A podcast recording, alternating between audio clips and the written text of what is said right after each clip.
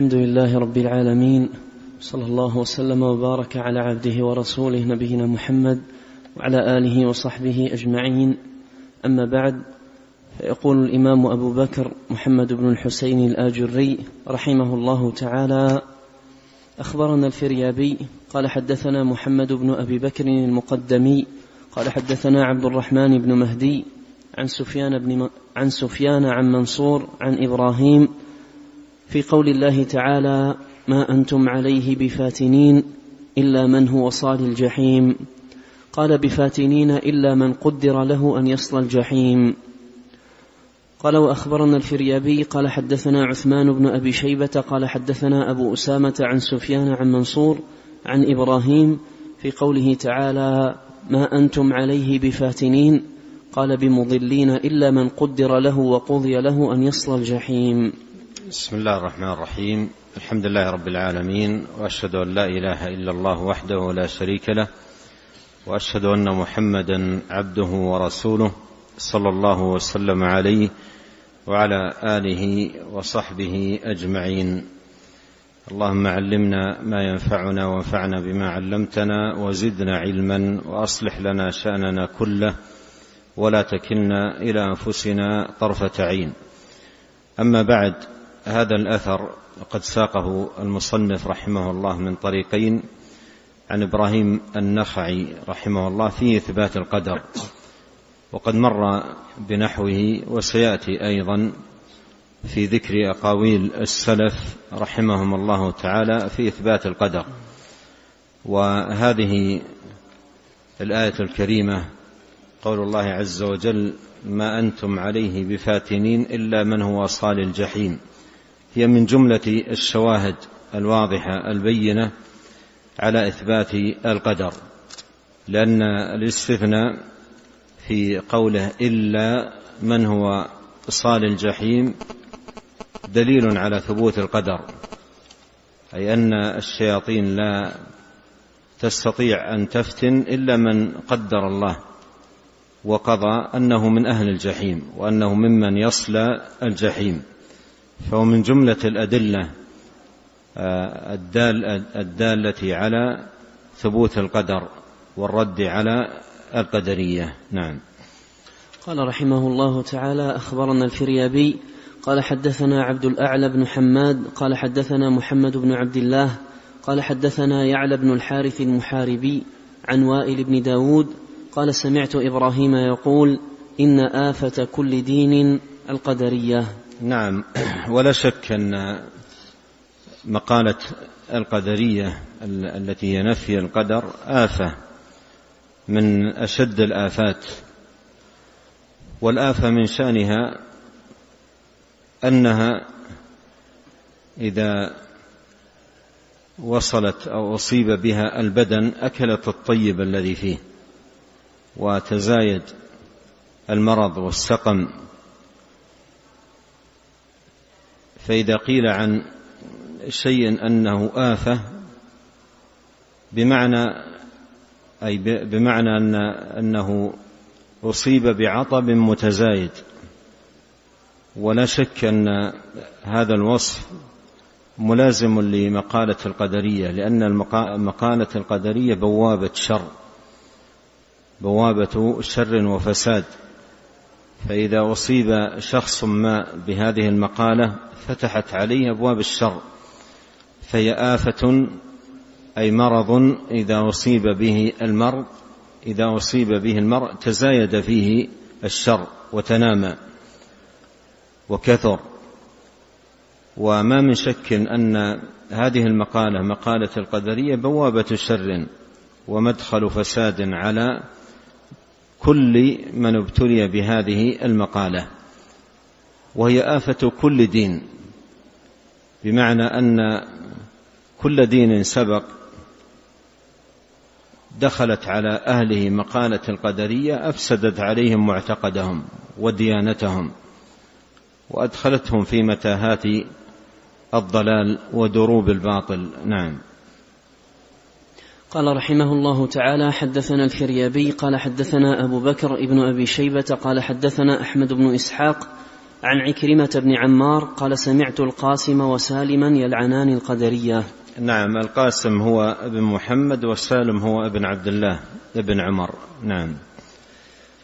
قال رحمه الله تعالى أخبرنا الفريابي قال حدثني إسحاق بن سيار قال حدثنا عبد الله بن صالح قال حدثنا معاوية بن صالح عن ضمرة بن حبيب عن جبير بن نفير أنه قال إن الله تعالى كان على عرش كان عرشه على الماء وإنه خلق القلم فكتب ما هو خالق وما هو كائن إلى يوم القيامة. ثم إن ذلك الكتاب سبح لله ومجده ألف عام قبل أن يبدأ الله تعالى خلق شيء من الأشياء. نعم وهذا إسناده ضعيف لكن أوله له ما يشهد له في نصوص الشرع وأدلة السنة. وأما آخره في قوله ثم إن ذلك الكتاب سبح لله ومجده ألف عام قبل أن يبدأ الله تعالى خلق شيء من الأشياء فهذا يحتاج إلى دليل والإسناد ضعيف. نعم.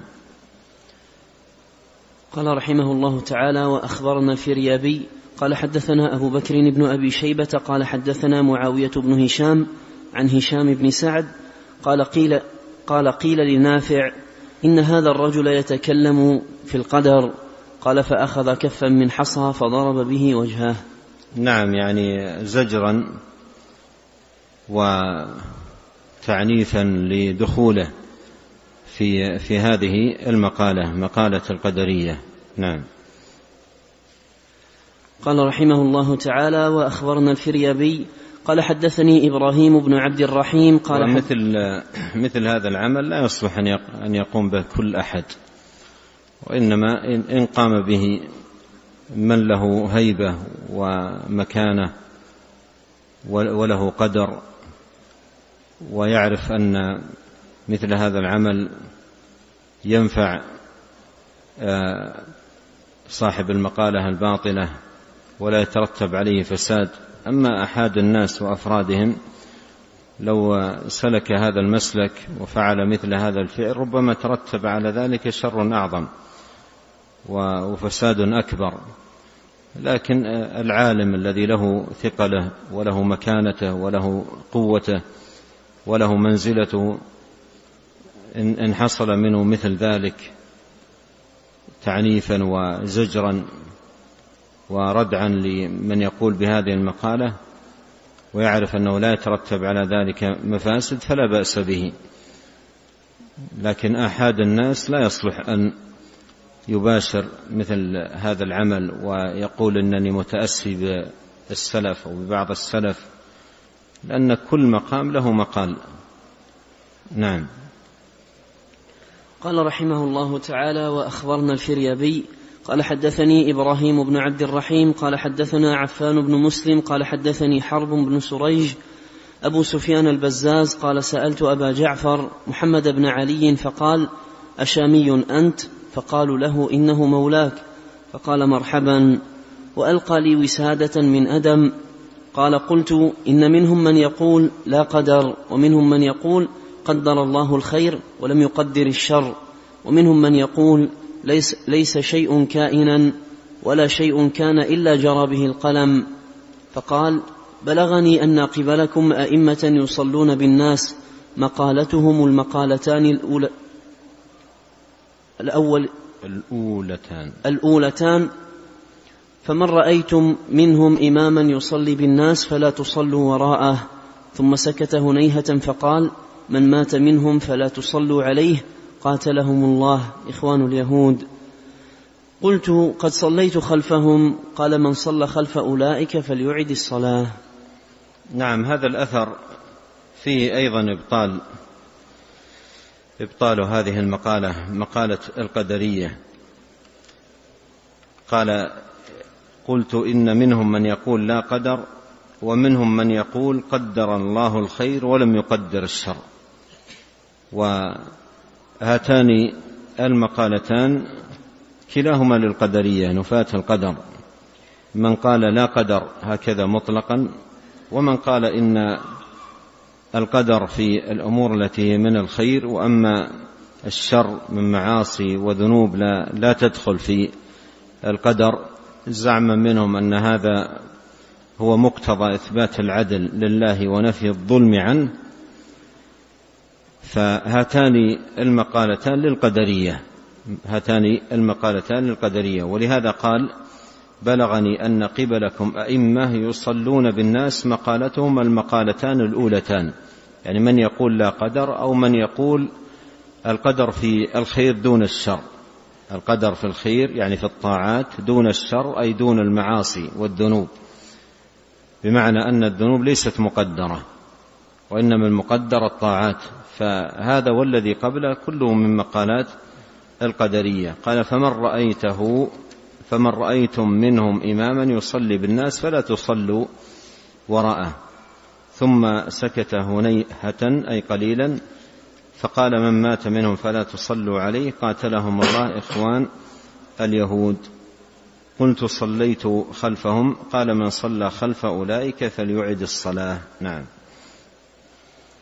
قال رحمه الله تعالى أخبرنا الفريابي قال حدثنا إبراهيم بن عبد الله الهروي قال أخبرنا حجاج عن ابن جريج عن مجاهد في قول الله تعالى ما أنتم عليه بفاتنين إلا من هو صال الجحيم.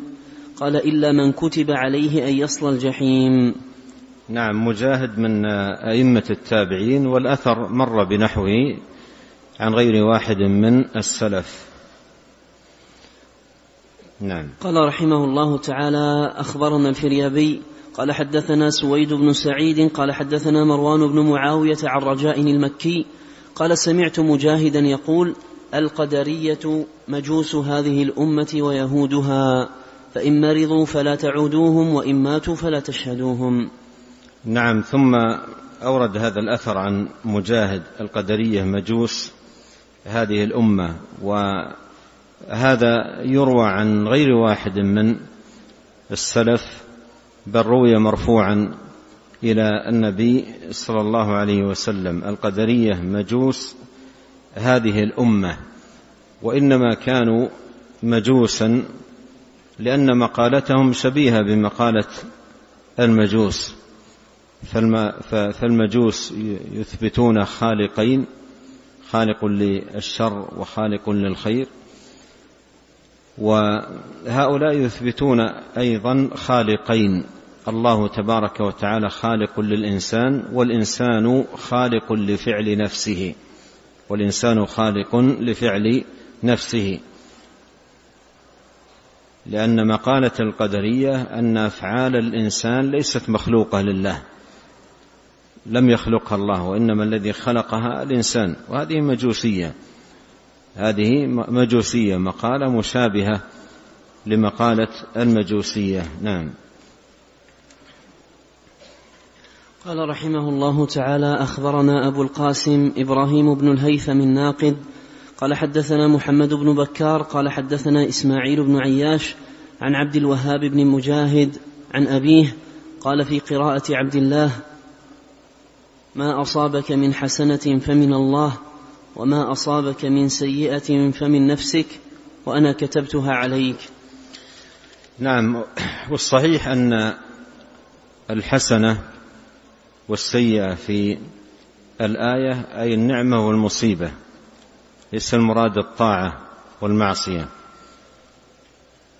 ليس المراد الطاعة والمعصية وإنما المراد بالحسنة النعمة. ما أصابك من حسنة أي من نعمة فمن الله كما قال الله تعالى وما بكم من نعمة فمن الله.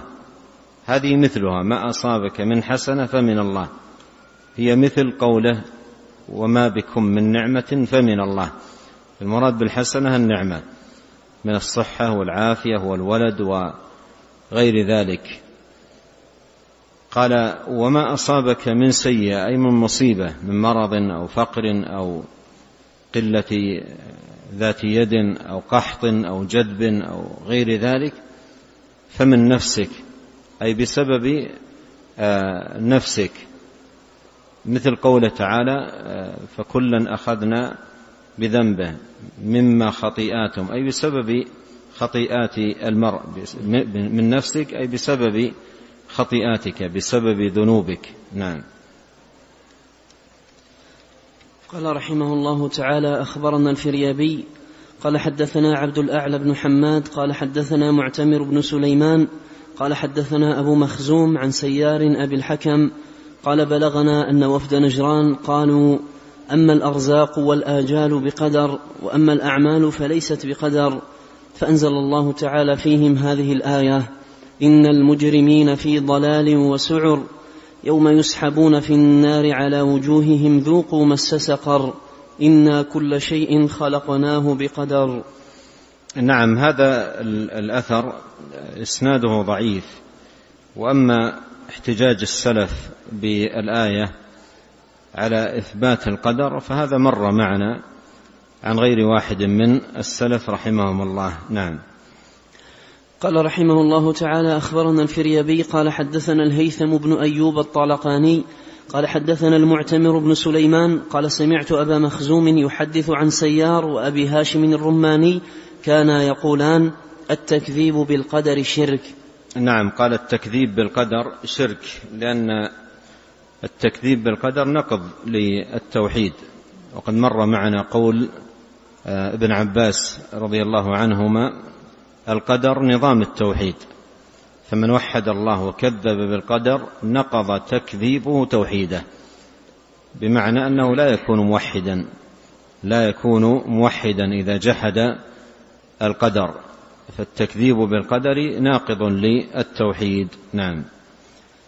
قال رحمه الله تعالى أخبرنا الفريابي قال حدثنا إبراهيم بن عبد الله الهروي قال أخبرنا هشيم قال أخبرنا جويبر عن الضحاك في قوله تعالى ما أنتم عليه بفاتنين إلا من هو صال الجحيم.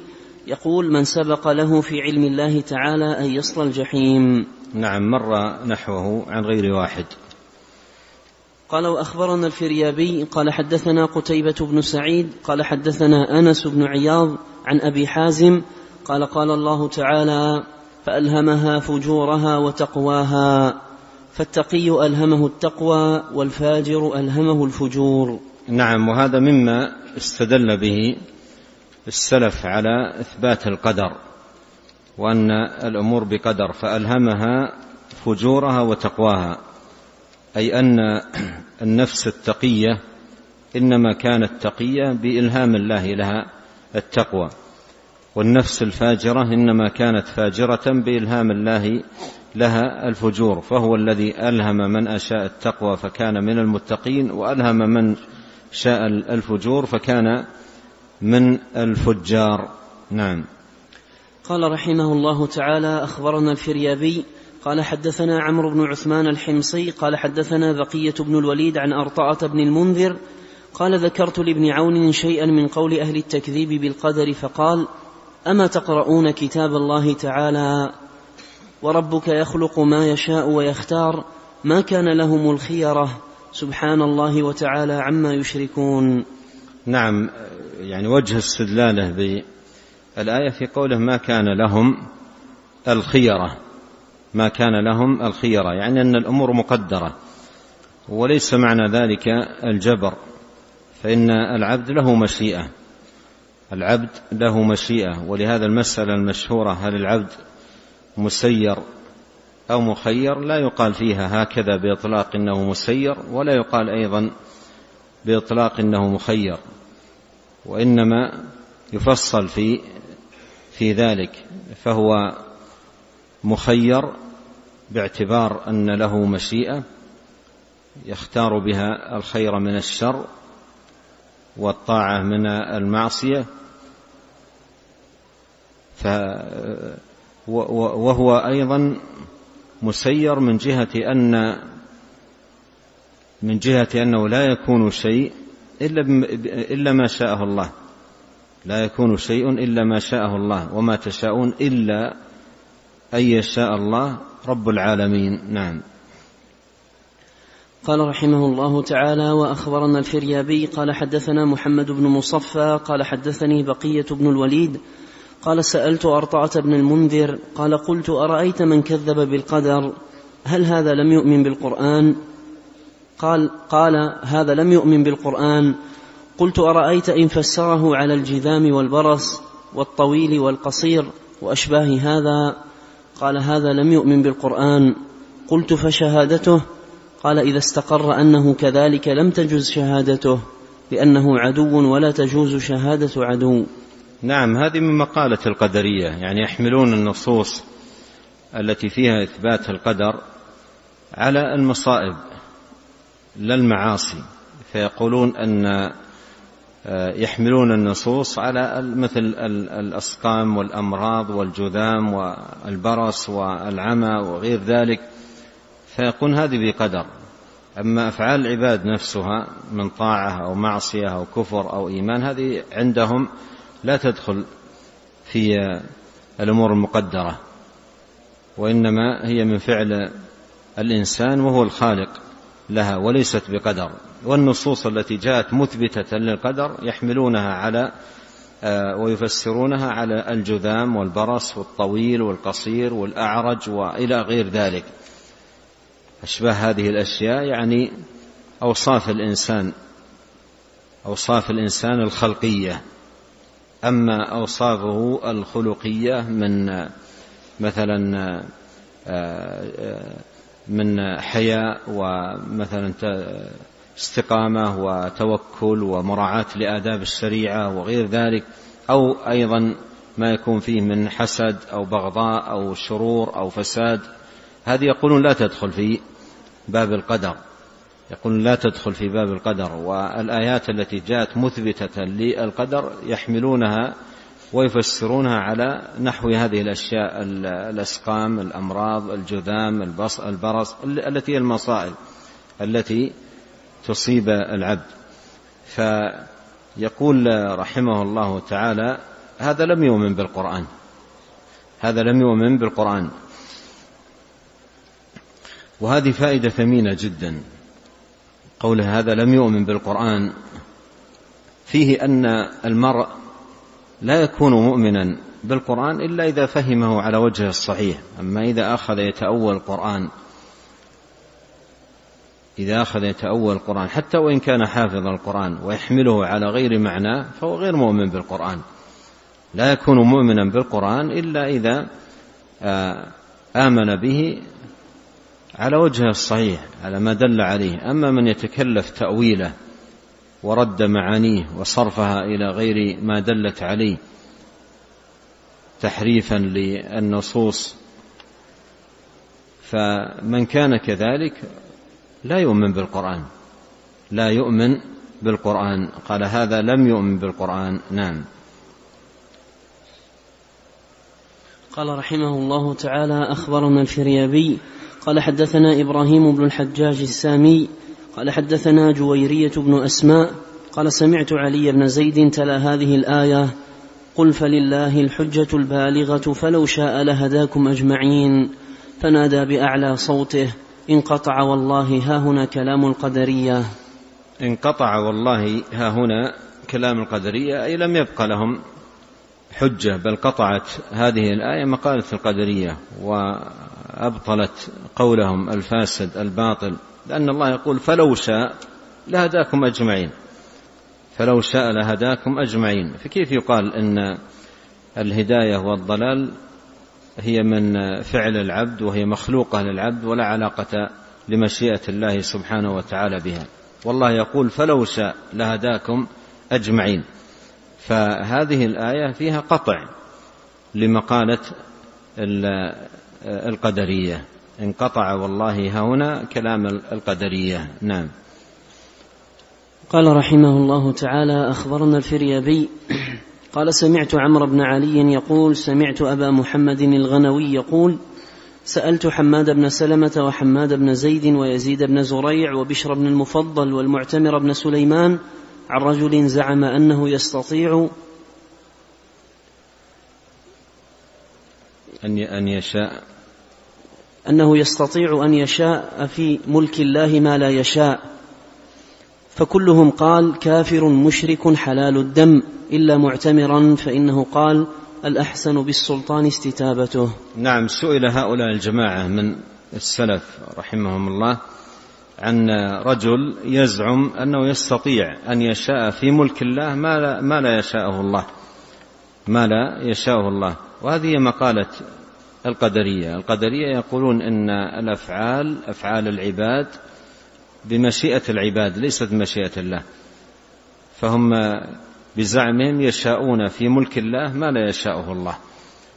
يشاءون في ملك الله ما لا يشاءه الله. فسئل هؤلاء الجماعة من السلف عمن يقول هذه المقالة. فقالوا كلهم كافر مشرك حلال الدم. إلا معتمرا فإنه قال الأحسن بالسلطان استتابته يعني قبل أن يقتله يعرض عليه التوبة من هذه المقالة. نعم. قال رحمه الله تعالى وأخبرنا الفريابي قال سمعت قال سمعت نصر بن علي قال سمعت الأصمعي يقول من قال إن الله تعالى لا يرزق الحرام فهو كافر. نعم فهو كافر لأنه مكذب بالقدر. لأنه مكذب بالقدر والتكذيب بالقدر كفر بالله سبحانه وتعالى. نعم. قال رحمه الله تعالى وأخبرنا الفريابي قال حدثنا محمد بن إسماعيل قال حدثنا عبد العزيز بن عبد الله الأويسي قال قال مالك بن أنس ما أضل ما أضل من كذب بالقدر لو لم يكن عليهم حجة فيه إلا قوله تعالى هو الذي خلقكم فمنكم كافر ومنكم مؤمن لكفى به حجة. نعم هذه الآية حجة كافية في إبطال مقالة القدرية ولهذا قال مالك رحمه الله تعالى لكفى به أي بهذا النص من كتاب الله عز وجل حجة في إبطال مقالتهم هو الذي خلقكم فمنكم كافر ومنكم مؤمن أي خلقكم وجعلكم على قسمين. فمنهم من هدى الله ومنهم من حقت عليه الضلاله. نعم. قال رحمه الله تعالى حدثنا أبو بكر ابن أبي داود قال حدثنا عبد الملك بن شعيب بن الليث بن سعد قال حدثني عبد الله بن وهب قال سمعت الليث بن سعد يقول, يقول في المكذب بالقدر ما هو بأهل أن يعاد في مرضه ولا يرغب في شهود جنازته؟ ولا تجاب دعوته نعم. قال وأخبرنا الفريابي قال سمعت أبا حفص عمرو بن عمرو بن علي أو عمرو بن علي قال سمعت معاذ بن معاذ وذكر قصة عمرو بن عبيد. إن كانت تبت يدا أبي لهب في اللوح المحفوظ فما على أبي لهب من لوم. قال أبو حفص فذكرته لوكيع بن الجراح فقال من قال بهذا يستتاب فإن تاب وإلا ضربت عنقه. نعم يعني هذا النص يبين وله نظائر كثيرة. يبين أن أصحاب البدع وخاصة المعتزلة القدرية عندهم جرأة شديدة جدا في رد النصوص والتكذيب بها في رد النصوص والتكذيب بها. ولهذا يقول عمرو بن عبيد إن كانت تبت يد أبي لهب في اللوح المحفوظ فما على أبي لهب من لوم فما على أبي لهب من لوم. اللوم على أبي لهب ليس على القضاء اللوم إنما هو على ما يتعلق بترك المأمور أو فعل المنهي والترك للمأمور والفعل للمنهي وقع بمشيئة من آه، العبد فيعاقب على ذلك. فالعقاب ليس على واللوم ليس على القدر نفسه وإنما اللوم على فعل العبد الواقع منه بمشيئته. ولهذا يلام على ذلك. وسيأتي من آه، نقول عن السلف رحمهم الله تعالى ما يبين هذا المعنى.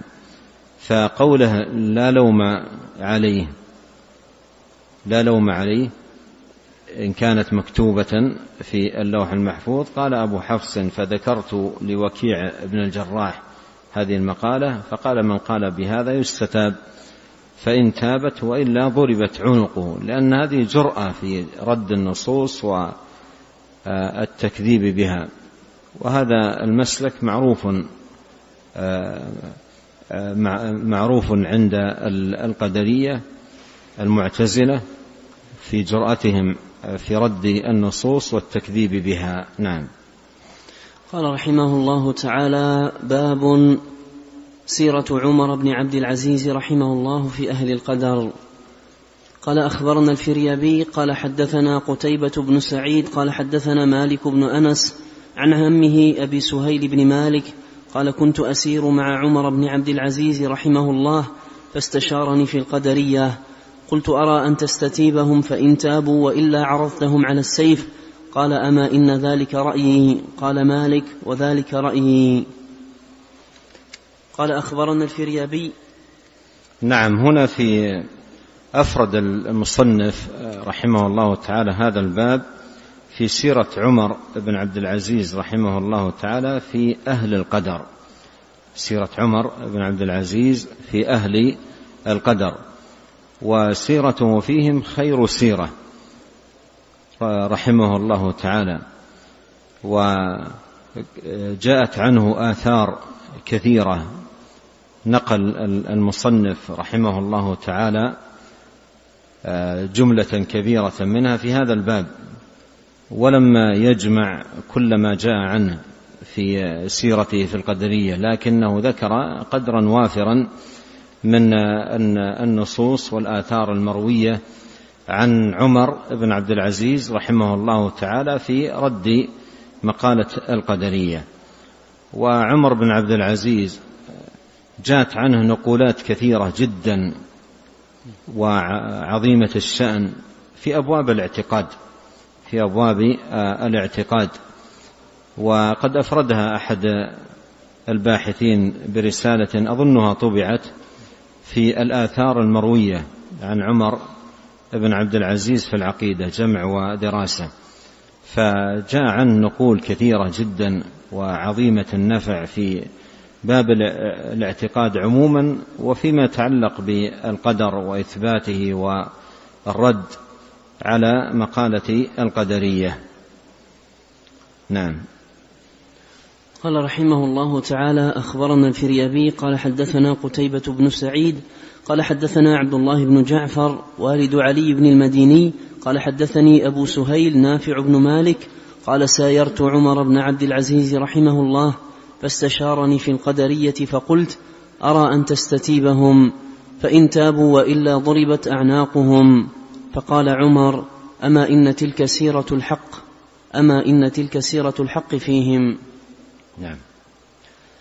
قال أخبرنا الفريابي قال حدثنا إسحاق بن موسى قال حدثنا أبو ضمرة أنس بن عياض قال حدثني أبو سهيل نافع بن مالك ابن أبي عامر أنه قال قال لي عمر عبد قال لي عمر بن عبد العزيز رحمه الله من فيه إلى أذني. من فيه إلى أذني يعني سمعت منه مباشرة بدون واسطة. نعم. ما تقول في الذين يقولون لا قدر؟ قلت أرى أن يستتابوا فإن تابوا وإلا ضربت أعناقهم. فقال عمر ذلك الرأي فيهم. والله لو لم يكن إلا هذه الآية الواحدة لكفت. فإنكم وما تعبدون ما أنتم عليه بفاتنين إلا من هو صال الجحيم. نعم ومر معنا استدلال غير واحد من السلف بهذه الآية. على إثبات القدر. وعمر بن عبد العزيز يقول لو لم يكن إلا هذه الآية الواحدة لكفت أي في إثبات القدر ورد مقالة القدرية. نعم. قال رحمه الله تعالى وأخبرنا الفريابي قال حدثنا عبد الله بن عبد الجبار الحمصي قال حدثنا محمد بن حمير عن محمد بن مهاجر عن أخيه عمرو بن مهاجر قال بلغ عمر بن عبد العزيز أن غيلان يقول في القدر فبعث إليه فحجبه أياما ثم أدخله عليه فقال يا غيلان ما هذا الذي بلغني عنك؟ قال عمرو بن مهاجر فأشرت إليه ألا يقول شيئا. قال فقال نعم يا أمير المؤمنين إن الله تعالى قال هل أتى على الإنسان حين من الدهر لم يكن شيئا مذكورا؟ إنا خلقنا الإنسان من نطفة أمشاج نبتليه فجعلناه سميعا بصيرا. إنا هديناه السبيل إما شاكرا وإما كفورا. قال اقرأ آخر السورة. وما تشاءون إلا أن يشاء الله. إن الله كان عليما حكيما. يدخل من يشاء في رحمته. والظالمين أعد لهم عذابا اليما. ثم قال ما تقول يا غيلان؟ قال أقول قد كنت أعمى فبصرتني. وأصم فأسمعتني وضالا فهديتني.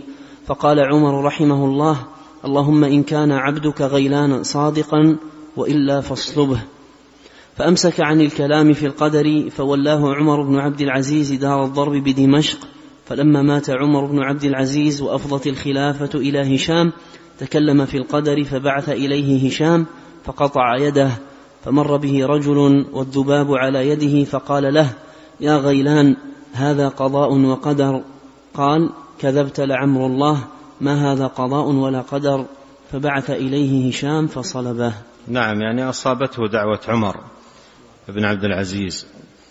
وهذا فيه أيضا من الفائدة أن أرباب البدع الذين تأصلت مقالة الضلالة في قلوبهم أصحاب تلون.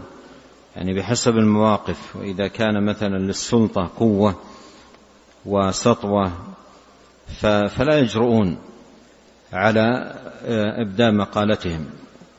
مثل ما قال عنهم عمر مثل ما قال عنهم أحد أحد أهل العلم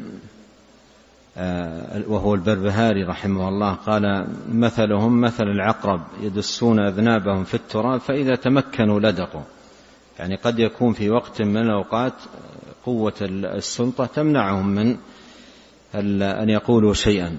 لا أنه يعني صدق بالحق.